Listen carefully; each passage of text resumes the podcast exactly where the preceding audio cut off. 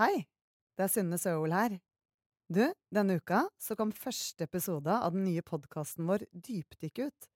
Og den tar for seg hvorfor vi egentlig har et strømmarked, og hvordan det fungerer. Utover våren så kommer det flere episoder, og de kan du sjekke ut i Podme-appen eller i Aftenposten-appen. Ok, skal vi se Der.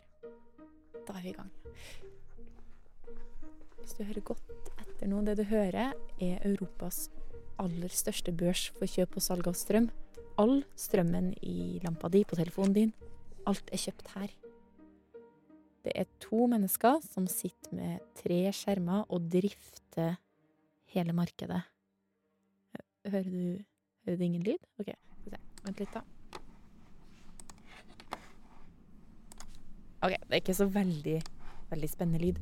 Nesten fascinerende lite når du tenker på at vi er på en børs i en tid med energikrise, krig og utskjelte strømpriser. Men skal vi se Nå skjer det noe snart.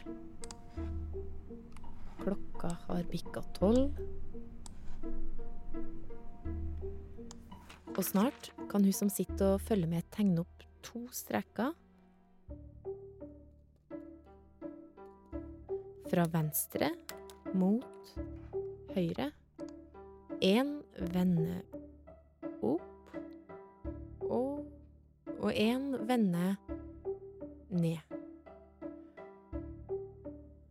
Og der, et eller annet sted over midten, så så krysser de hverandre. Det her krysset er ikke hvilket som helst kryss. Det der tilbud, møte, etterspørsel, selveste strømprisen. Og det her ganske enkle krysset har blitt satt hver eneste dag på denne strømbørsen i 33 år. Det ble skapt som en løsning på en del problemer vi en gang hadde, og det er i dag et kryss som gir oss en god del problemer som vi ikke hadde før. De over 1000 magasinene rundt om i hele Norge har vi lagret vann i 100 år. Det har gitt oss billig og forutsigbar strøm. Ja, Det Rødt foreslår, eh, det er en makspris på 35 øre. Problemet er at prisen er høy. Og det vi ser er jo det at Norge nå vikler seg inn i en feilslått eh, europeisk klimapolitikk, der man eh, har en energipolitikk som rett og slett ikke henger på greip. Så hvorfor? Hvorfor har vi det her krysset i det hele tatt? Du hører på Dypdykk, en Aftenposten-podkast der vi dykker ned i små og store tema som former tida vi lever i. Jeg er Marit Eriksdatter Gjelland, og i dag årets mest utskjelte, debatterte desimaltall og hele historia bak.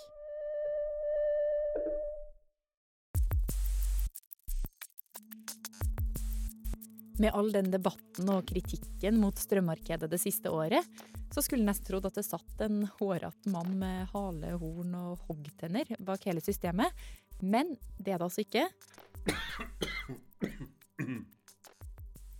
Mannen bak er professor i samfunnsøkonomi.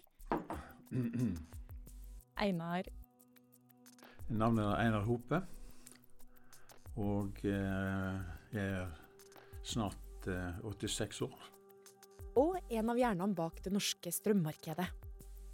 Det hele starta en dag på 80-tallet bort på NHH, altså Norges handelshøyskole i Bergen, der Hoppe da jobba på denne tida som professor ved et senter.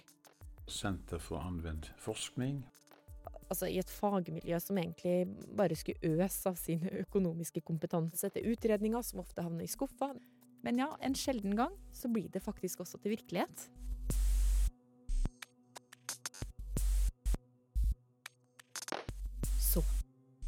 En dag i 1988 Det er meg som har fortellerstemmen min. En dag i 1988 så kommer det et par dresskledde menn fra noen departementer der borte i Oslo opp på universitetet. De hadde også på seg lange frakker og mørke solbriller, dokumentmapper, det er i hvert fall det her jeg ser for meg. Ja, de var nok sikkert eh, dekka i regntøy, regnponcho, paraplyer, støvler og alt som er, og i hendene hadde de noen søkkvåte dokumenter og ett spørsmål. Om vi kunne gjøre et utredningsoppdrag, et forskningsoppdrag, om hvordan man skulle organisere et markedsbasert kraftsystem. Vi fikk da kort og godt et to-tre linjes oppdrag. Som da, bare for å ha det helt klart, var å lage et nasjonalt marked for strøm. Noe som aldri hadde eksistert før noensinne noen steder i verden.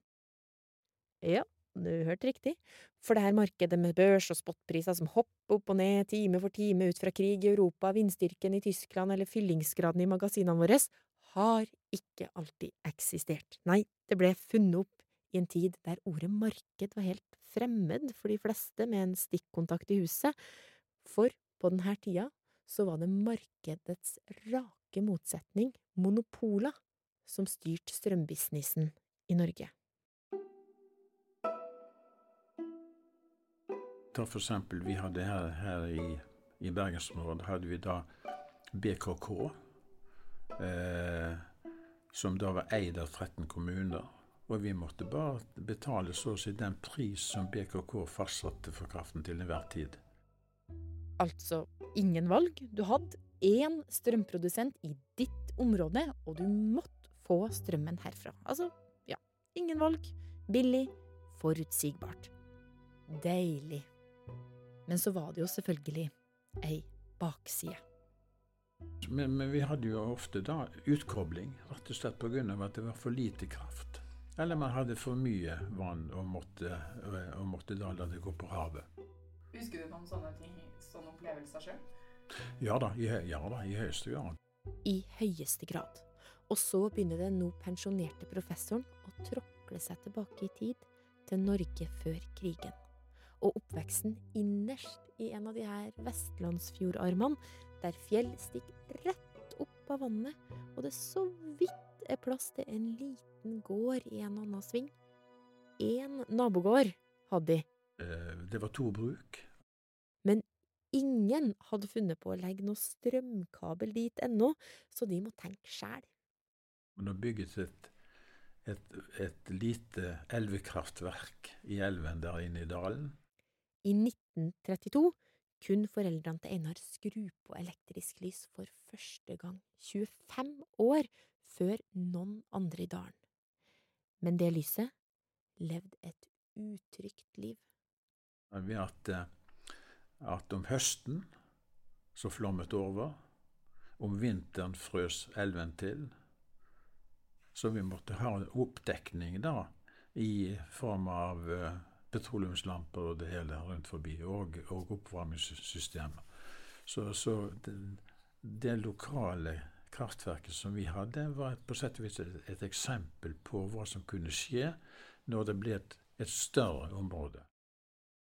Så poenget til Hope med det her lille tilbakeblikket til fjord- og fjelltida på 30-tallet, er altså å si at Norges strømsystem på 80-tallet var litt sånn som det var i de avsidesliggende fjordarmene på 30-tallet. Systemet var veldig sårbart. Kommunene hadde ingen å kjøpe kraft fra om det kneip, så resultatet ble da at kraftmonopolene i de ulike kommunene satt på hver sin tue og bygde ut kraft i det de hadde av vassdrag for å sørge for at de hadde nok kraft til alle tider av året. Hadde man bare hatt en eller annen måte å utveksle krafta på, kjøp av kommuner som hadde overskudd, selv når de hadde mer enn nok, et marked kunne vel ikke. Ideen surra i flere hoder på denne tida, og særlig blant byråkratene som trava opp og ned i gangen i kanskje særlig Finansdepartementet, Du får vite navnet på denne politikeren om litt, altså. de begynte å gjøre sine analyser og fant ut dette her er veldig lite effektivt. Og med denne informasjonen så pakka folkene i Finansdepartementet sakene sine og dro til Bergen og hamra løs på døra til Einar Hope med oppdraget. Spørsmålet var da om man også burde privatisere først. Men det var, det, det var politisk sett helt dødt. Det her var jo Arbeiderpartiets storhetstid. Det var, ikke, det var nesten ikke lov til å nevne privatisering. Så oppgaven var egentlig da å lage et marked eh, med 85% offentlig eierskap. Og så satte vi i gang i 88. Med da oppgaven lag noe som ingen vet hva er. Ja, hvor starter det da egentlig? Jo, blant de mest desperate av de desperate som produserte strøm på denne tida. For de hadde faktisk noe som minner litt om det vi har i dag. Det var nesten som tatt rett ut av en lærebok i økonomi. Et sted strømprodusentene, som ikke hadde opplevd regn på en stund, kunne kjøpe fra andre produsenter som hadde for mye, sånn at de som hadde for lite, kunne levere strøm til befolkninga si i stedet for å kutte strømmen. Hvor utbredt det her var? Altså ikke veldig. Sånn ca. 10% av krafta i Norge gikk gjennom det her mini-mini-minimarkedet. Og dette fascinerte meg veldig. For, for her kunne man studere liksom et marked i aksjon. Og en liten, en liten anekdote. Jens Stoltenberg han er utdannet økonom og en meget dyktig sådan. Eh, og eh, det fortelles da at Jens Stoltenberg besøkte da samkjøringen en gang på 80-tallet. Samkjøringen, altså den her børsen. Eh, og han kom ut og fikk orientering om dette markedet. Han kom ut med stjerner i øynene og sa det at 'jeg har sett et virkelig markedskryss'. For da så han det på papir, det ble plottet ut. Han har sett hundrevis av sikkert i lærebøkene i studiet, men nå fikk han se et Markedskryss, der tilbud møter etterspørsel. Så enkelt. Men jeg har snakka med så sykt mange folk, og det jeg egentlig har tatt ut av det, og som du også snart sikkert kommer til å sitte igjen med, er at det er en så komplisert modell som havner dypt inn i filosofiske spørsmål. Vi kommer dit etter hvert. Det her arket med kryss, fra det som da ble kalt samkjøringen, tok Hope med seg videre, og basert på dette arket tenkte han seg fram til hvordan et norsk strømmarked kunne se ut. Og alt det her var å finne i en hovedrapport. Og åtte, ni, ti arbeidsnotater. Som også havna på pulten til olje- og energiministeren på den tida. Eivind Reiten. Eivind Reiten. Ja, det var meg, det. Det var jeg som eh, fikk loven gjennom i Stortinget. Eh, brukte mye av Einar Hopes materiale og banka den gjennom en sommerdag i 1990. Ja, som politiker er nok dette det rå, absolutt det råeste jeg har gjort. Eh, kjære storting, ikke akkurat som de skrev det, da, men vi inviterer dere nå til å vedta en omfattende reform i dette eh, kraftmarkedet vårt. Som innebar noe helt revolusjonerende i datidas system, hold deg fast, åpne opp for kjøp og salg av strøm. BKK og de andre strømprodusentene skulle nå endelig kunne selge strøm til hvem de ville, om det så var hundrevis av mil unna til ei lita fjellhytte oppe i Troms. Og for å unngå rare situasjoner som at hver enkelt lille strømprodusent skulle grave seg gjennom hele Norge med kabler til denne ene lille hytta, så tok staten over hele ansvaret for strømnettet. Staten igjen delegerte driftinga av kablene i de ulike kommunene til nye kommunale selskap som ble oppretta, som da ikke fikk produsere eller selge noe som helst, de skulle kun reparere kabler, litt sånn enkelt sagt. Og for denne jobben så ble det innført nettleie, som da er det den her pengesummen som dukker opp på strømregninga i tillegg til selve strømprisen. Men det å åpne opp helt for kjøp og salg av strøm betydde også én ting til, og det var at hele Norge nå skulle få muligheten til å handle strøm fra hvem de ville. I praksis ble det jo da gjennom Fjordkraft og Tibber og alle de der. Og begrunnelsen? Og begrunnelsen for de reformene er som følger. bedre utnyttelse av ressursene, billigere strøm til folket, Forbrukerne vil over tid tjene på dette. økt samfunnsøkonomisk nytte. Det var liksom de aller viktigste premissene. Og så la jo jeg alltid til at vi hadde bak oss en periode med kontroversielle vannkraftutbygginger. 70-tallet var med andre ord langt fram i pannebrasken. Alta som det, som det aller eh, ferskeste rundt La elva leve-protestene. Demonstrantene ble sittende rolig midt i anleggsveien. Og ca. 30 politifolk fra Vest-Finnmark politikammer rykket inn. Men resten får sine forelegg i posten. posten, posten, posten, Og at det var også et miljømessig viktig argument at vi ikke la beslag på mer natur, flere fossefall, enn det vi trengte. Og en av de store økonomihøvdingene på den tiden var en professor på universitetet som het Preben Munthe, og en veldig anerkjent økonom, og han sa at han har aldri lest en proposisjon hvor han har skrevet så mye ja og hurra i margen, hvor han følte det var veldig konsekvent og konsistent i forhold til hva et markedsorientert system trenger, og veldig kompromissløst istedenfor liksom å bare gjøre det sånn halvveis, så ble det gjort fullt ut. Jeg, jeg er overrasket sjøl i dag over at jeg turte å gå så langt, men er veldig glad for at jeg gjorde det.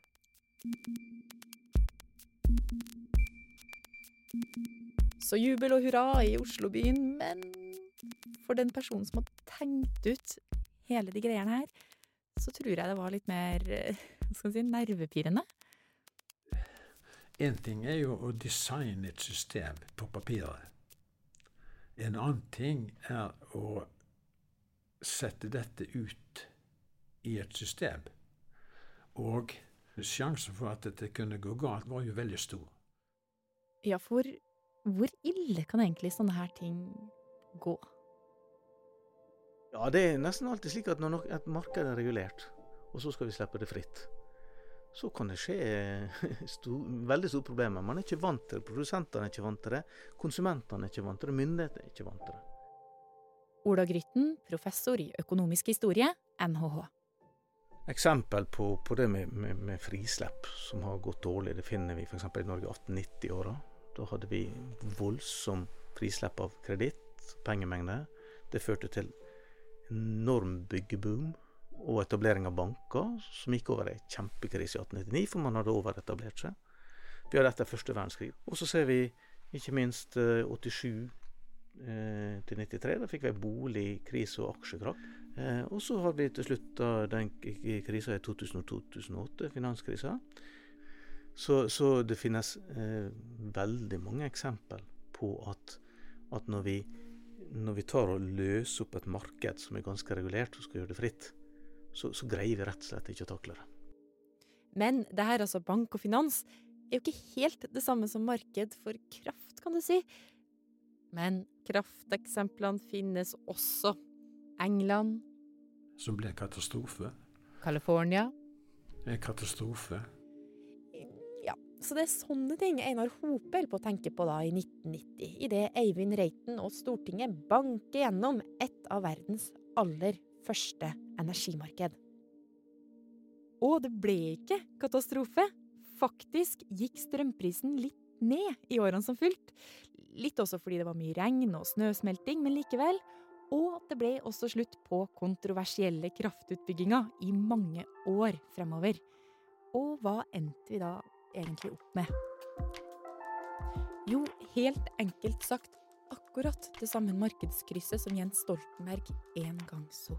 Han kom ut med stjerner i øynene. Bare at krysset nå er resultatet av et veldig mye mer komplisert system. Det ble for det første ikke helt som Einar Hope hadde tenkt seg.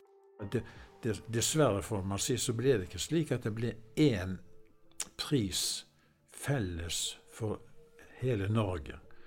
For strømnettet er ikke bygd ut sånn at det kan overføre ubegrensa mengder med strøm mellom ulike deler av landet. det blir forskjellige priser avhengig av kapasiteten i nettet. Nettet har med andre ord dårligere kapasitet mellom enkelte områder, som igjen fører til ulike priser i ulike deler av landet. Så i stedet for ett priskryss for hele Norge, ble det ett kryss for hver landsdel. I tillegg til det her, så ble jo børsen da verdens, altså verdens, verdens første internasjonale strømbørs i 1996, da Sverige ble en del av samme marked som oss. Og tanken var vel egentlig litt lik som da vi fikk det norske markedet, altså det er bra å ha flere å selge til når vi har for mye kraft, og det er bra å ha noen å kjøpe fra når vi har for lite. Så ble det lagt strømkabler i den grumsete havbunnen mellom Norge og kontinentet, og strømbørsen vokste. Danmark kobla seg opp, Tyskland, England, utover 2000-tallet ble det flere og flere med i markedet, og nå er det totalt 16 land som kjøper og selger strøm på børsen, som starta opp her i Norge. Og med det så er vi blitt vevd sammen i ett europeisk strømmarked. Og denne lille børsen som på 80-tallet ble kalt Samkjøringen, fikk nå nytt navn, Nordpol, og ble Europas største strømbørs. Og selv om det nå er kjøpere og selgere fra 16 land på børsen i stedet for kjøpere og selgere fra bare Norge, som det var i ja, gamle dager, for å si det sånn, så sitter selgerne og kjøperne og stirrer på akkurat det samme som de gjorde på 80-tallet.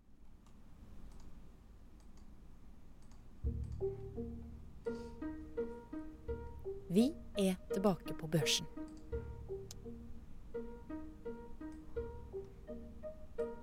En helt vanlig morgen. Alt skjer på tre skjermer. Jeg hadde egentlig sett for meg litt mer busy børsstemning, men akkurat nå så er det bare ei dame her som heter Ida. Og hun er egentlig ganske travel. For man skal jo se at uh, At uh, alle filler går hvor de skal, og at vi har alt vi skal uh, før tiden.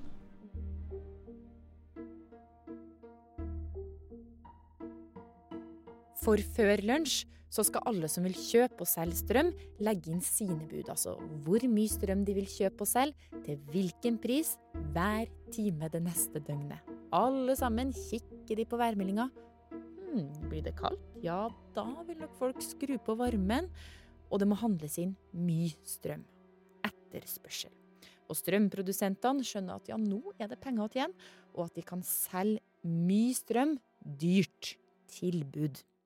Og jo mer produsentene vil ha for strømmen, jo mindre vil vi kjøpe. Etterspørselen går ned.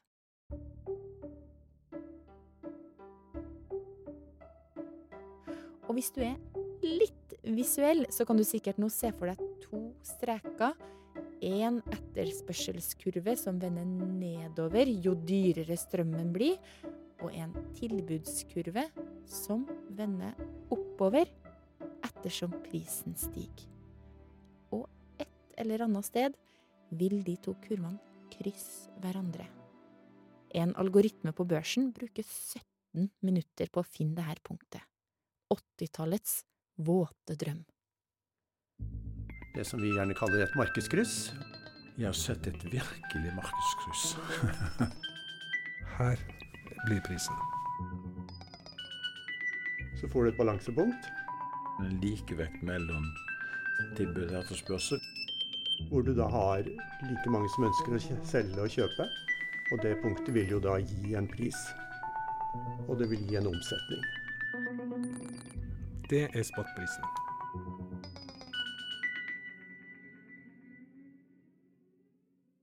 Selveste strømprisen. Den prisen der det blir solgt akkurat like mye strøm som det blir kjøpt. Enkelt og greit, men det er en slags X-faktor her, noe Fredrik Solvang av alle ting valgte å hoppe over i NRK-programmet Debatten, fordi jeg tror det ble for vanskelig. Eh, og det var nettopp derfor jeg sa la oss ikke gå dypere inn i akkurat den. Men vi tar det jo selvfølgelig, og da trenger vi noen av de stemmene du nettopp hørte. Det er børsens egen mann. Jeg heter Hans Randen. Vi jobber i Nordpol. Og så har vi den her fyren.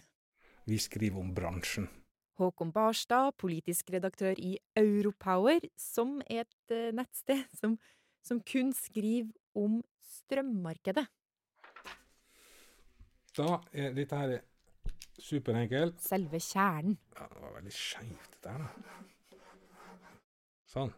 Men modellen sånn som den er skrudd sammen i dag, så er det den siste, dyreste kraften det er behov for, som setter prisen for all kraften.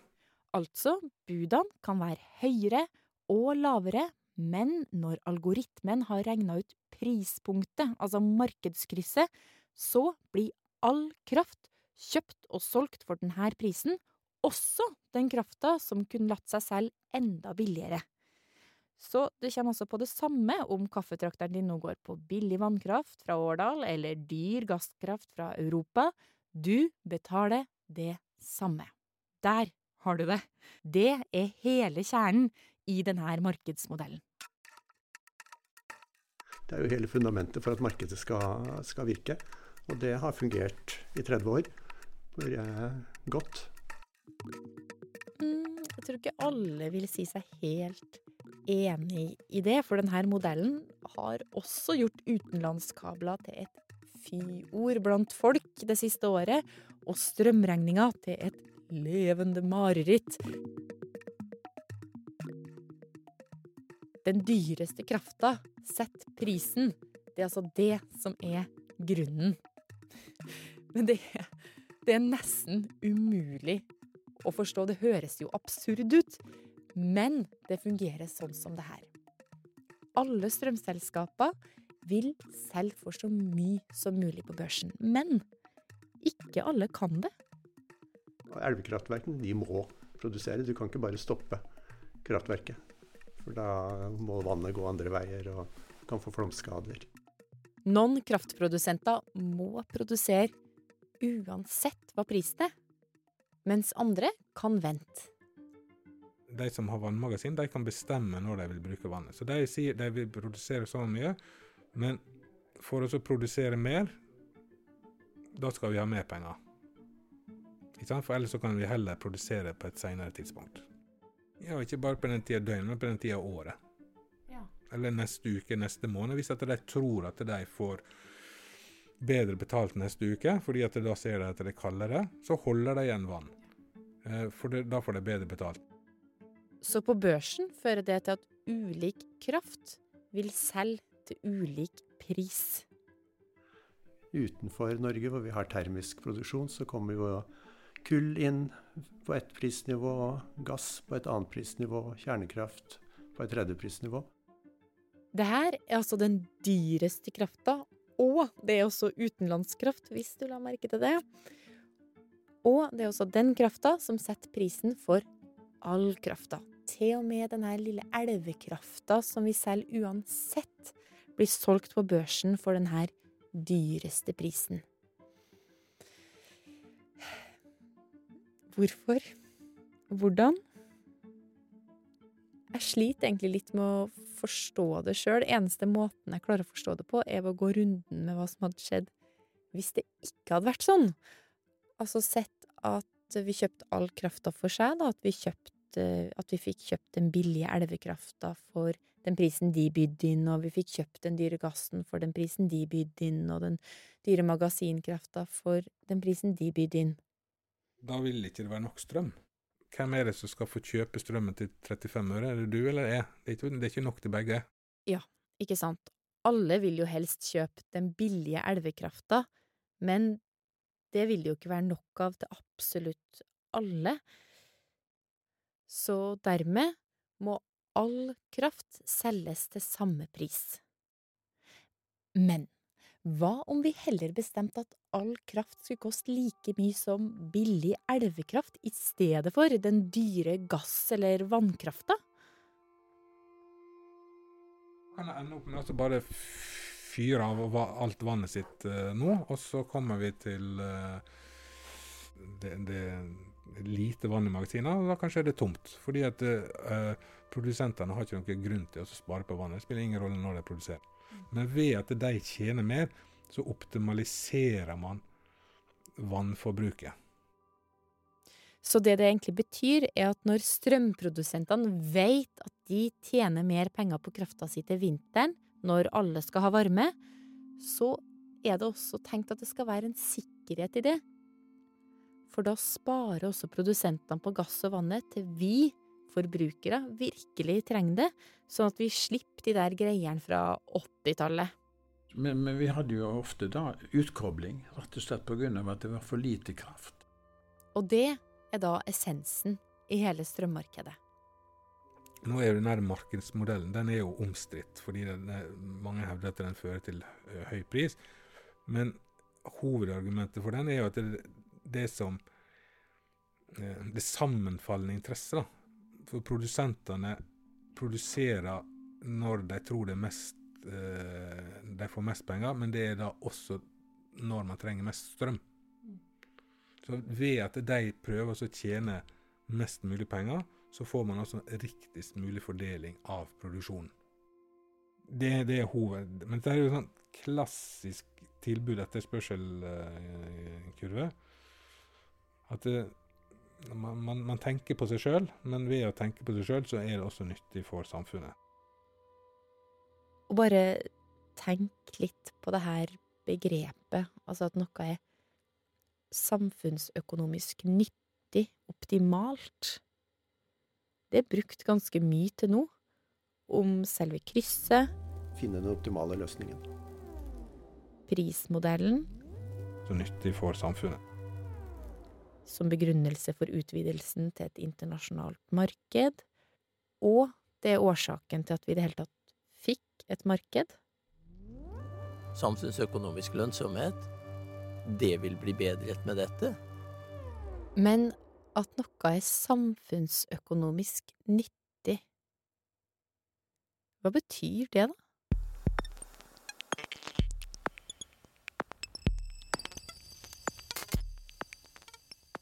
Nytte for hvem?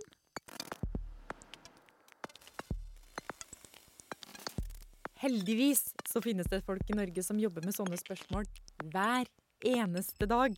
Og de folkene finnes i Finansdepartementet, nærmere bestemt fagsjefen for ordet vi leter etter samfunnsøkonomiske analyser. Vegard Hole Hirsch heter jeg. Hirsch som i hjort.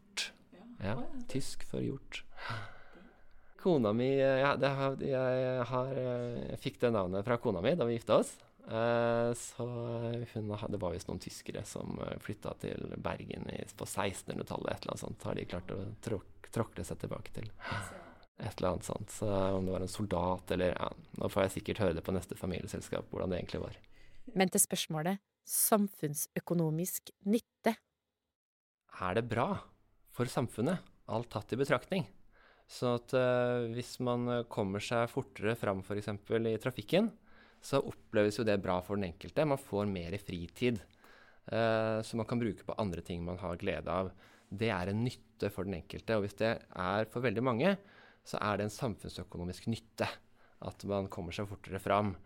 Og så hvis det er en veibygging, da, så er det en samfunnsøkonomisk kostnad at det koster noe å bygge veien, og at det kan bli mer forurensning. Så at den samfunnsøkonomiske analysen som jeg har snakka om til nå, da, viser egentlig gjennomsnittet for befolkningen. I snitt hva blir de positive virkningene, i snitt hva blir kostnadene eller de negative virkningene. Og det var vel også sånn analyse av folkene i Finansdepartementet gjorde på 80-tallet, da de fant ut av at det der gamle monopolsystemet ikke var effektivt. Befolkninga ville i det store og det hele få det bedre med strømmarkedet. Det var jo argumentet. Billigere strøm, mindre vann på sjøen.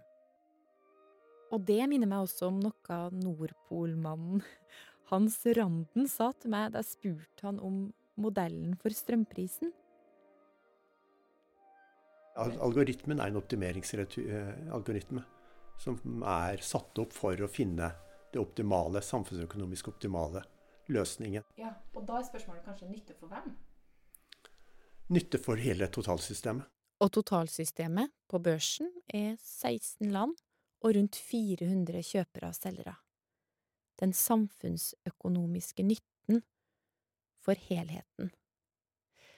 Men hva betyr det? Betyr det da også nytte for deg og meg, altså enkeltpersonene? Det har jo ikke akkurat vært en jublende glad og positiv strømdebatt det siste året. Det er vel heller det motsatte, en slags eh, frustrasjon over markedet, en opplevelse av å komme dårlig ut. Og det her, det at enkeltmennesker ikke kjenner på noe nytte selv om det er definert som nyttig, det er jo også noe Hirsch og Finansdepartementet har en del erfaring med. Jo, absolutt. Og det han forteller meg, er at i det virkelige liv så vil det nesten alltid være sånn at noen kommer dårlig ut av et tiltak, om det så er veibygging, vindmøllepark eller hva det nå er. Sånn at det er noen som bærer mer av kostnadene enn andre, og noen som får mer nytte av tiltaket enn andre. Det kriteriet som ligger i bunn, som et sånn utgangspunkt for analysemåten, er at man kan akseptere at noen får det eh, dårligere, så lenge eh, de som får det bedre, får det mer bedre, altså oppveier for dette. Eh, sånn at eh, man i sum kommer ut i pluss. Og du kan si sånn, det, det etiske, moralske grunnlaget for det er at i teorien kan man da ta deler av gevinsten til de som kommer bedre ut, gi til de som kommer dårligere ut, og så kommer, kan man da i teorien få at alle kommer bedre ut. Så det er det to forskere som heter, en som heter Kaldor og en som heter Hicks, som kom på det kriteriet. Derfor så heter det Kaldor-Hicks-kriteriet på pensum i, i, samfunnsøkonomi. Det aner meg nå at de som har laga strømstøtteordninga, kan ha lest samme pensumbok. Altså det er med at staten nå håver inn på høye strømpriser, og vi får noe tilbake ved at de betaler en del av strømregninga vår. Og det her må jo være en slags anerkjennelse av at vi kommer dårlig ut. Og grunnen, det er jo at verden har endra seg. Krigen i Ukraina er jo hovedårsaken, men det er ikke det eneste som har endra seg siden Einar Hope tenkte ut strømmarkedet. Vi har annet gått fra et norsk til et internasjonalt marked. Vi har begynt å fase ut kull og gass, de energikildene vi kan starte og stoppe som vi vil, og fått mer væravhengig kraft. Og når det her skjer, da, når verden endrer seg, kan også nytten endre seg? Absolutt. Finansdepartementet opplever tydeligvis også at verden endrer seg av og til. Sånn at uh, Da kan det være at rett og slett eh, et prosjekt som framsto som uh, bra da, for fem år siden, nå framstår som uh, dårligere. eller motsatt. Man har oppdaget at dette her kan vi gjøre billigere enn vi trodde. Og hva gjør dere da, når dere oppdager det? Nei, altså, Hvis verden forandrer seg, så bør man lage en ny analyse. Og hva er det norske og europeiske politikere gjør nå i disse dager? Jo, de bestiller nye analyser og utredninger, de. Om hvordan strømmarkedet fungerer, hvordan høyeste pris blir prisen på alt-prinsippet slår ut når gasskrafta plutselig er veldig dyr. Her i Norge skal Einar Hope sin markedsmodell under lupa, og spørsmålet er vel egentlig om det norske markedet kan beskyttes mer? Eller sagt på en annen måte, er det åpne markedet fortsatt like nyttig for oss her i Norge som det var for 30 år siden? Ja, det er et stort, det er et stort spørsmål, et stort og et viktig spørsmål. Einar Hope for siste ord. Og det har vært veldig mange forslag som har kommet opp, at vi må forkaste hele systemet. Vi må, gå, vi, vi må gå tilbake til den gamle modellen, og vi må isolere oss etc. Det som er gledelig oppi dette, syns jeg, er at uh, man ikke er villig til, stort sett, å kaste hovedprinsippet om et markedsbasert system på på skraphaugen. Og hovedprinsippet i Hovedprinsippet? Virkelig markedskryss.